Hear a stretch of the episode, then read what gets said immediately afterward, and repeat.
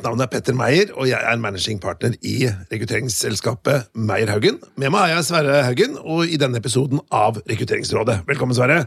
Tusen takk skal du ha, Petter. Men du, vi har jo også en spennende gjest i dag, og det er Pål Håvorsen. Og du er seniorrådgiver i bransjeforeningen Arbeids, Arbeid og inkludering i NHO. Velkommen. Takk for det. takk for det. Temaet i dag, Sverre, hva er det? Du, I dag skal vi snakke om eh, inkludering. Vi skal snakke om inkluderende jobbdesign, blant annet. Eh, og det er jo en veldig relevant og spennende tematikk. Ja, og grunnen til at vi skal prate om det, for at det er jo stor mangel på arbeidskraft der ute. Og så har vi da med en ekspert i studio som skal fortelle om muligheter for å få tak i de folka man trenger. Ikke sant, Pål? Jo da, skal jeg prøve å få klarlagt det, ja. Ja.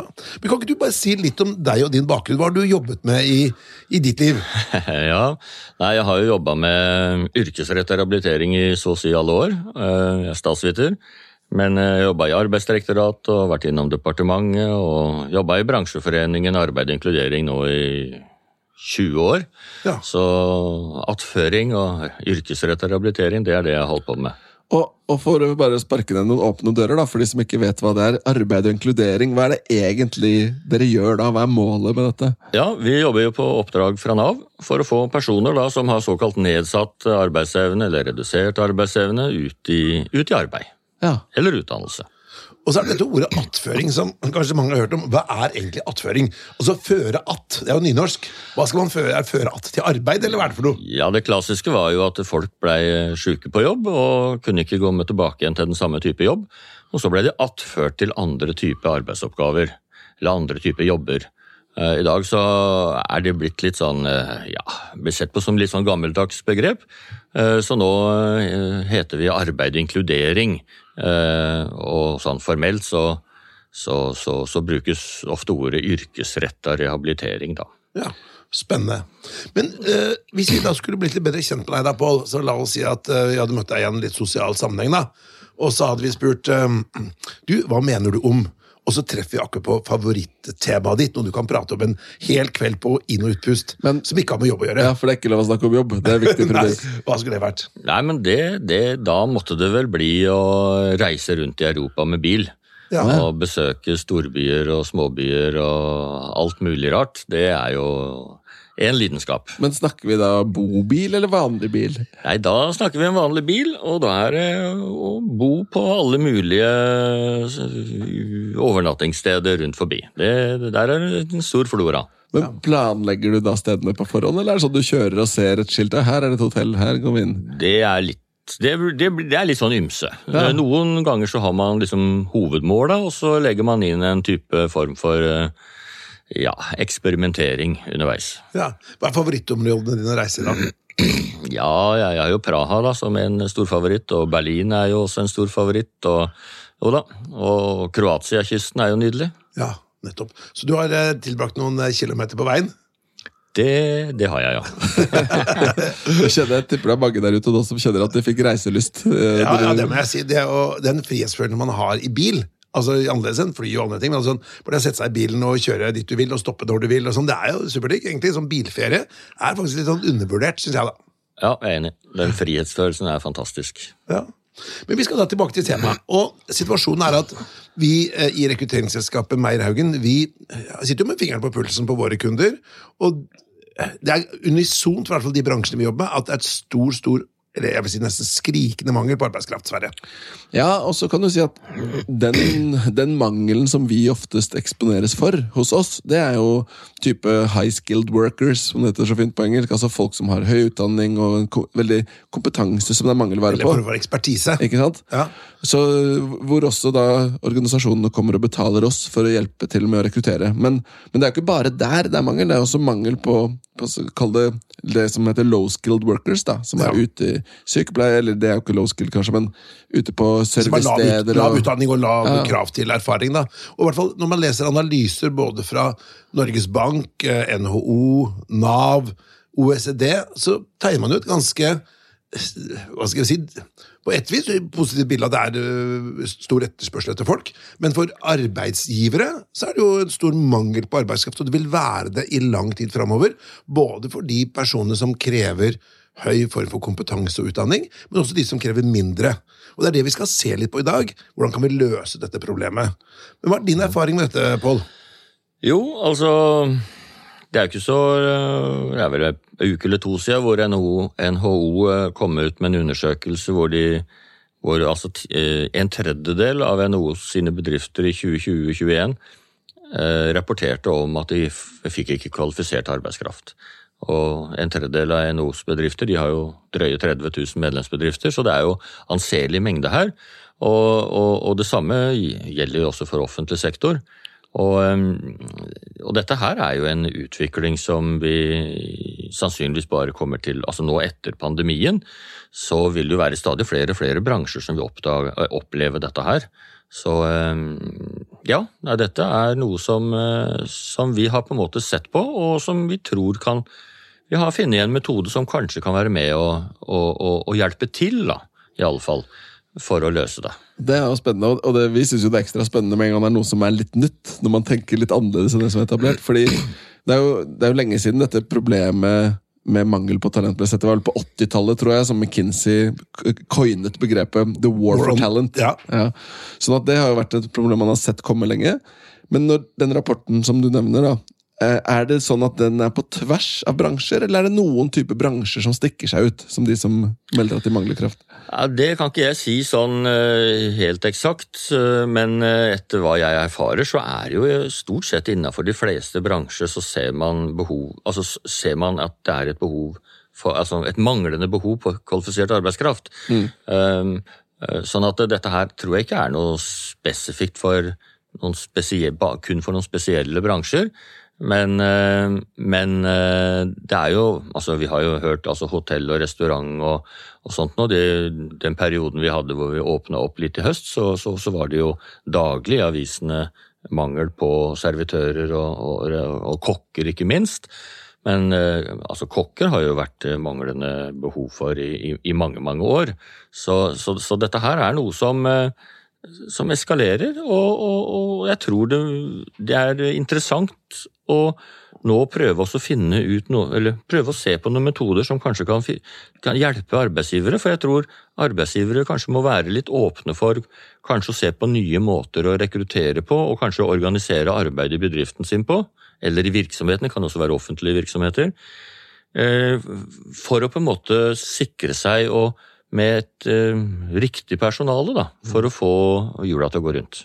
Men, men, dere har jo da både forsket på det og veldig mye praktisk erfaring med det å få folk i jobb. da, ikke sant? Og dere har jo da, la oss si, to, Det er to parter her. Det er jo arbeids arbeidsgiveren som ønsker arbeidskraft for å få løst problemer. Mm.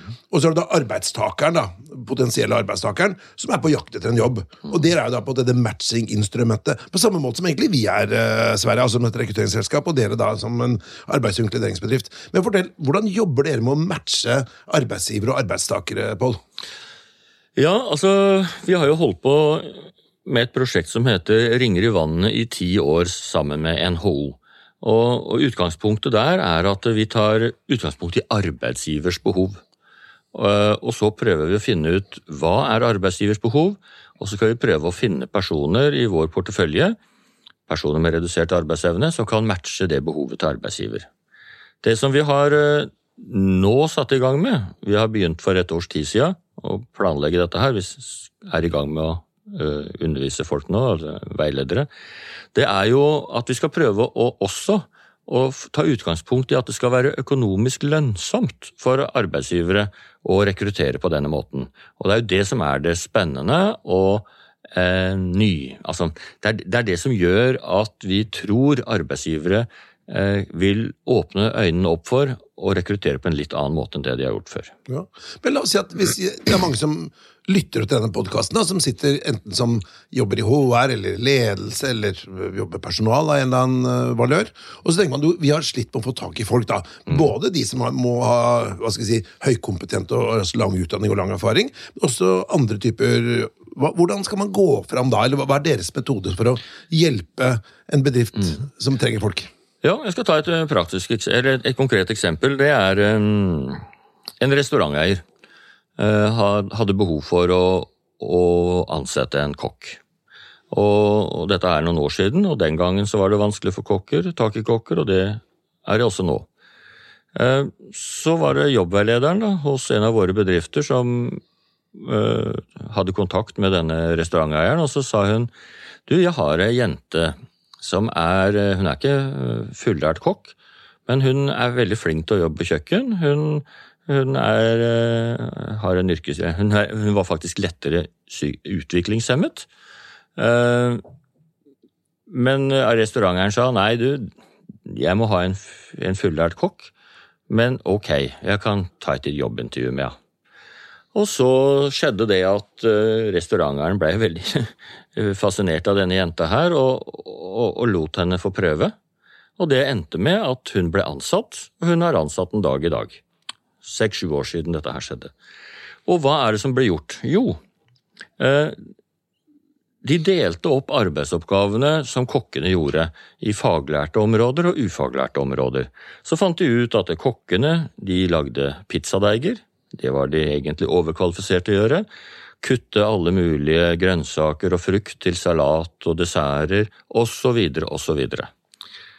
Alle de oppgavene der gjorde denne jenta. Veldig bra. Og hva er det som skjedde?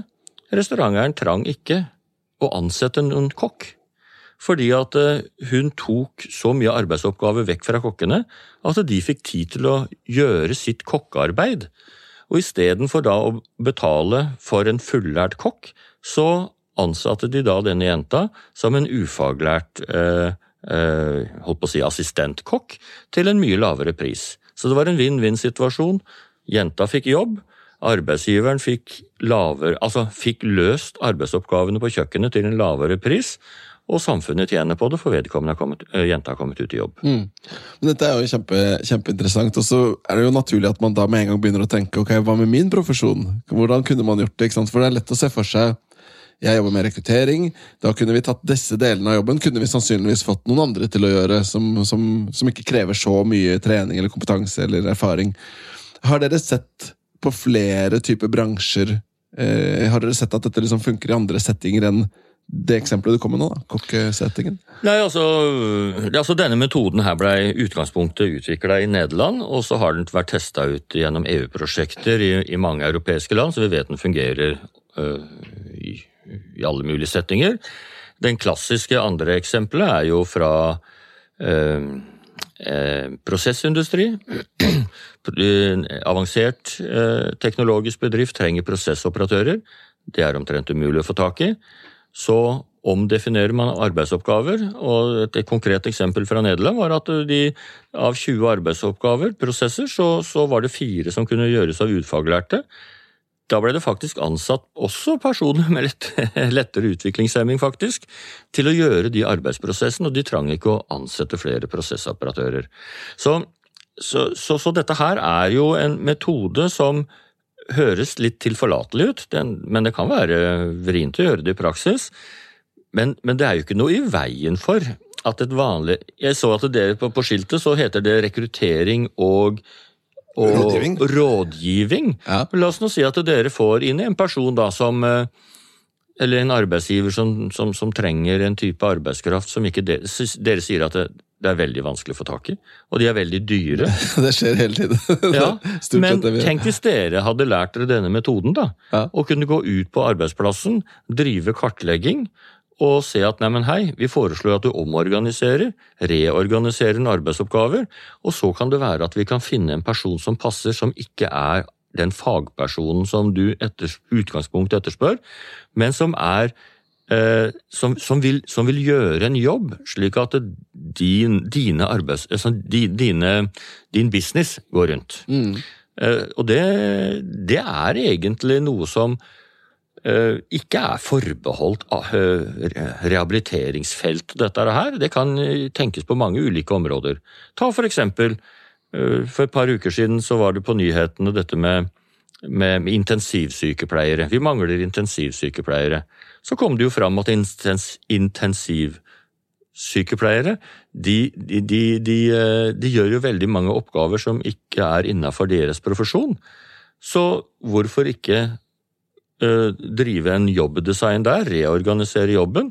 Da kan du få inn personer som kan gjøre ulike typer arbeidsoppgaver som ikke du trenger å være intensivsykepleier for å gjøre, og så kan de holdt på å si gjøre egentlig sin jobb. Mm.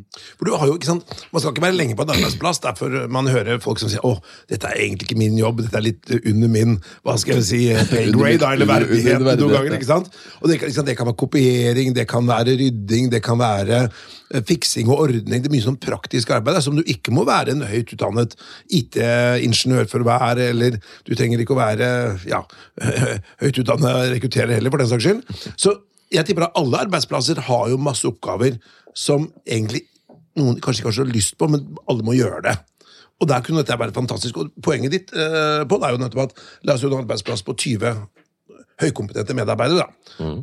Og så gjør de da 5% av arbeidsdagen så gjør de ting som man ikke må være høyt utdanna for å gjøre. Så hvis man da f.eks. sier at istedenfor å ansette enda en eller to nye eh, hva skal si, dyre ressurser, så kan man si at du kan få inn en person gjennom deres system, som da tar den 5% fra alle, og da på en måte spart masse tid eh, i organisasjonen, og også penger. Ja. Jeg, jeg, tenker, jeg har jo en gang i tiden vært utvikler. Og der tenker jeg sånn der, Hvis du hadde spurt utviklere, da, programmerere, hva er det man kan få andre til å gjøre, så er det sannsynlig å gå i møter. ja. Kan du få inn noen fra en arbeids- og inkluderingsbedrift til å gå i møte for deg? Da tror jeg det blir ja. Nei, men, ja, men det er én ting som er veldig viktig å huske på for å få, det, for å få en sånn en prosess til å fungere godt på en arbeidsplass. Så må du snakke med ledelsen, ja, men det er også veldig viktig å snakke med de ansatte. For det kan jo være Altså det, det, viktige er jo også å finne arbeidsoppgaver som de ansatte ikke ønsker å gjøre. For hvis, ja. Fordi det kan jo være arbeidsoppgaver som en ansatt har som på en måte ikke er som ikke du trenger og, den spesielle kvalifikasjonen, men det kan være greit av og til å ha en type oppgave hvor du på en måte gjør for å koble det litt av. Men det, dette her er jo veldig interessant, da, Paul, fordi når du begynner å touche inn på det, da går du inn på noe helt annet. For da går du også inn på medarbeidertrivsel og engasjement på arbeidsplassen. Og det er klart, hvis du hadde spurt på en virksomhetsarbeidsplass har du lyst til at jeg skal ta vekk de kjedelige oppgavene dine, så hadde du jo vært med på å skape mye god stemning. Ja, nei, men Det er jo det som er det viktige. Og, ja. og i den opplæringa vi holder på med nå, inkluderende jobbdesign, så er jo nettopp det å, å, gå ut på arbeidsplassen, snakke med de ansatte og få de til å fortelle hvilke arbeidsoppgaver de har som de gjerne vil eh, holdt på å si, kvitte seg med. Eller for at de da selv kunne bli mer effektive. Så her er det, så, så det er, en, det er en, si, en, slags symbiose her som er utrolig viktig å, å, å, å passe på. da. Mm.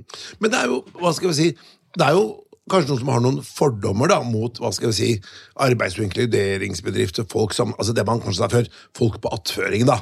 Uh, hva slags fordommer uh, er det ofte du hører, eller sånn innvendinger fra arbeidsgivere? Det er, det er utrolig mange. Og men, ofte så er det jo fordi man ikke har så veldig mye peiling på området. Altså, det, det, vi har jo fått sånn, nei, Jeg kan ikke ha folk som har psykiske problemer på denne jobb, arbeidsplassen her, fordi, fordi vi, vi, har jo kniver her. Jeg mener, altså, Det er jo ganske utrolig. Eh, men, men, det er jo fordi at man på en måte får noen oppfatninger gjennom massemedia og alt dette her. Men eh, har, det er ganske godt dokumentert gjennom det prosjektet Ringer i vannet. Å inkludere en jobbdesign, det, det, er match, altså det er mye av det samme, så det er liksom bare enda en liten Det er prikken over i-en. Eh, der dokumenterte vi at eh, det var NTNU samfunnsforskning som sa at eh, det som skjer gjennom Ringer i vannet, er at hvis man først har rekruttert én, så fortsetter man å rekruttere. Da, rekrutterer man altså De påviser da 3,3 ganger flere enn hvis ikke du rekrutterer gjennom Ringer i vannet. Ja. Og hvorfor gjør de det? Jo, for de ser det fungerer. Ja. Så, så, vi er jo rimelig trygge på dette her. Ja. Er, det er ikke noe problem. Og er, vi har såpass mange kan vi kalle det da, sikkerhetssluser her, som gjør at arbeidsgiver kan få prøve ut kandidaten i arbeidssituasjonen på forhånd før man går til en ordinær ansettelse osv. osv. Og i hvilke situasjoner er det du kan få prøvd ut en person på samme måte i annen form for rekruttering. Men, men hvis det nå sitter noen der ute og lytter, en bedriftsleder kanskje, som tenker at dette kunne jo kanskje funka eller vært noe for oss, Hvor, hva gjør man da? Finnes det noe tools, altså noe verktøy? Finnes det service man kan kjøre ut i organisasjonen for å sjekke om den er moden for dette, eller har dere noe verktøykasse, eller hvordan, hva gjør man som leder? Holdt på å si, da, det er bare å ringe. Nei, men altså nå, nå, nå, jobb, nå jobber vi jo altså alle, arbeid, alle arbeid- og inkluderingsbedrifter eh, som, som, som dekker hele landet, de, jobb, de kan jo eh, å jobbe eh, med dette her. Lang erfaring. Er, vi begynner nå å ut, utdanne folk innenfor denne spesifikke metodikken. Eh, Så eh, til våren så, så har vi 60 stykker rundt og forbi over hele landet som, som kan dette her. Men jeg tenker, og jeg hiver meg litt på det Sverre så la oss si at du er en bedriftseier, en HR-person, sier ok, dette har jeg lyst til å prøve. Og så tenker jeg at eh, da må man da kanskje ha noen tanker om at i vår arbeids, på vår arbeidsplass så har vi kanskje behov for to-tre medarbeidere, kanskje, ikke sant? Og så tenker man at det kan være personer som har behov for en form for erfaring og kvalifikasjoner, men det kan også være folk som ikke har det. ikke sant? Så gjør man en liten kanskje kartlegging på forhånd, men det lureste, som du sier, det er jo nettopp å kontakte dere i arbeidsinkluderingsbedriftene. og. Eh, og så kan man da få en måte å gå fram på for å få til dette og teste dette ut. Men er det sånn at eh, de personene som kommer inn, er det sånn lønnstilskudd, eller er det lønnsgarantier, eller, eller må man ansette de først, eller hvordan er dette her praktisk? Hvis, du, hvis man finner ut at dette skal vi gjøre, prater man med dere, og så kommer en person inn, må man ansette de, eller kan man teste ut noen uker, eller hvordan funker det? Ja, det er altså slik at uh, hvis man da vil hoppe bukk over en del prosesser og sier at vi har blitt enige om at arbeidsgiver ønsker å prøve én person, Ja. uh, og dette er en person som uh, ikke krever noe spesiell sånn tekniske hjelpemidler eller den slags ting som man får fra hjelpemiddelsentralen, men det er en person som kan gå inn i, i, på en arbeidsplass og, og begynne å jobbe. Og Det vanlige da er at eh, vi, vi har en, eh, en, en slags frist på en, ja, som regel kanskje inntil en måned, og kanskje litt lenger hvis det er nødvendig. Og da har arbeidsgiveren eh, sagt at eh, ja, eh, jobbsøkeren han må kunne det og det og det og det, lager en liten liste. Og så evaluerer man sånn kanskje jevnlig hver 14. da. Hvor langt har man kommet nå? Og hvis du kommer opp til det nivået som arbeidsgiveren har satt, ja, så ansetter, må arbeidsgiver ansette. For da, da, da kan man jo jobben. Og så er det jo muligheter, da. Eh, hvis for eksempel det kan ta Altså, det er tydelig at vedkommende vil kunne klare jobben, men det går veldig seint nå til å begynne med. Så kan man typisk søke Nav om et lønnstilskudd. Eh, gjerne, ja, for eksempel et, eh, Du får kanskje innafor fire til seks måneder. Eh, men av de drøye 10 10 000-12 000 som vi formidla til jobb i, i fjor, så var det ca. 15 som, eh, som, hvor et lønnstilskudd fulgte med. Altså, ja. så, så det er jo i de aller fleste tilfellene så, så, er, så, så finner vi jo fram til folk som fungerer godt i jobben uten å ha noe særlig tilskudd fra Nav. Og det er jo det er For det, interessant. for det er det som er målet her. Ikke nødvendigvis å Arbeidsgiver gjør ikke det for å være snill eller nødvendigvis å, å spare penger på lønn. Altså i første omgang, Det er for at du trenger den arbeidskraften, og det kan avlaste de medarbeidere du allerede har i organisasjonen din. Ja, altså det er jo ofte sånn altså Det er jo mange arbeidsgivere som tenker på dette med sånn eh, samfunnsansvar og sånn. Eh, som jeg pleier å si, altså samfunnsansvar er fint. Det er med på å kunne åpne døra for å prøve, men det er ingen som eh, ansetter en person til, hvor kostnadene er la oss si, minst 500 000 i året for en heltidsstilling. Du gjør ikke det pga. samfunnsansvar, det må lønne seg. Lommeboka vil også ha et ord med i laget. Og det er helt greit, det. Det skal lønne seg å ansette folk eh, gjennom, gjennom inkluderende jobbdesign. Ja, spennende. Hvis vi da skal se litt på tips til en bedrift da, som kanskje hører på nå og tenker åh, vi sliter med å få tak i folk, og det kan både være egentlig alle typer folk. Hva slags eh, råd skal vi gi dem, da, hvis man da tenker åh, man har prøvd å annonsere, men det kommer ikke noen, og hva, hva, hvilke råd og tips skal vi gi? Jeg pleier å si at eh, ta kontakt med en lokal arbeid- og inkluderingsbedrift. La de få prøve om de kan klare å finne personer som kan passe, eventuelt reorganisere litt, slik at man eh, kan finne en person som kan passe til aktuelle, den aktuelle stillingen. Eh, og hvis man ikke klarer det, og det kan jo godt være, det, dere finner vel ikke folk til alle stillinger dere heller, og det gjør heller ikke Nav, så får man eventuelt prøve andre, eh, andre måter. Men, men, men la arbeid- og inkluderingsbedriften lokalt få prøve seg først.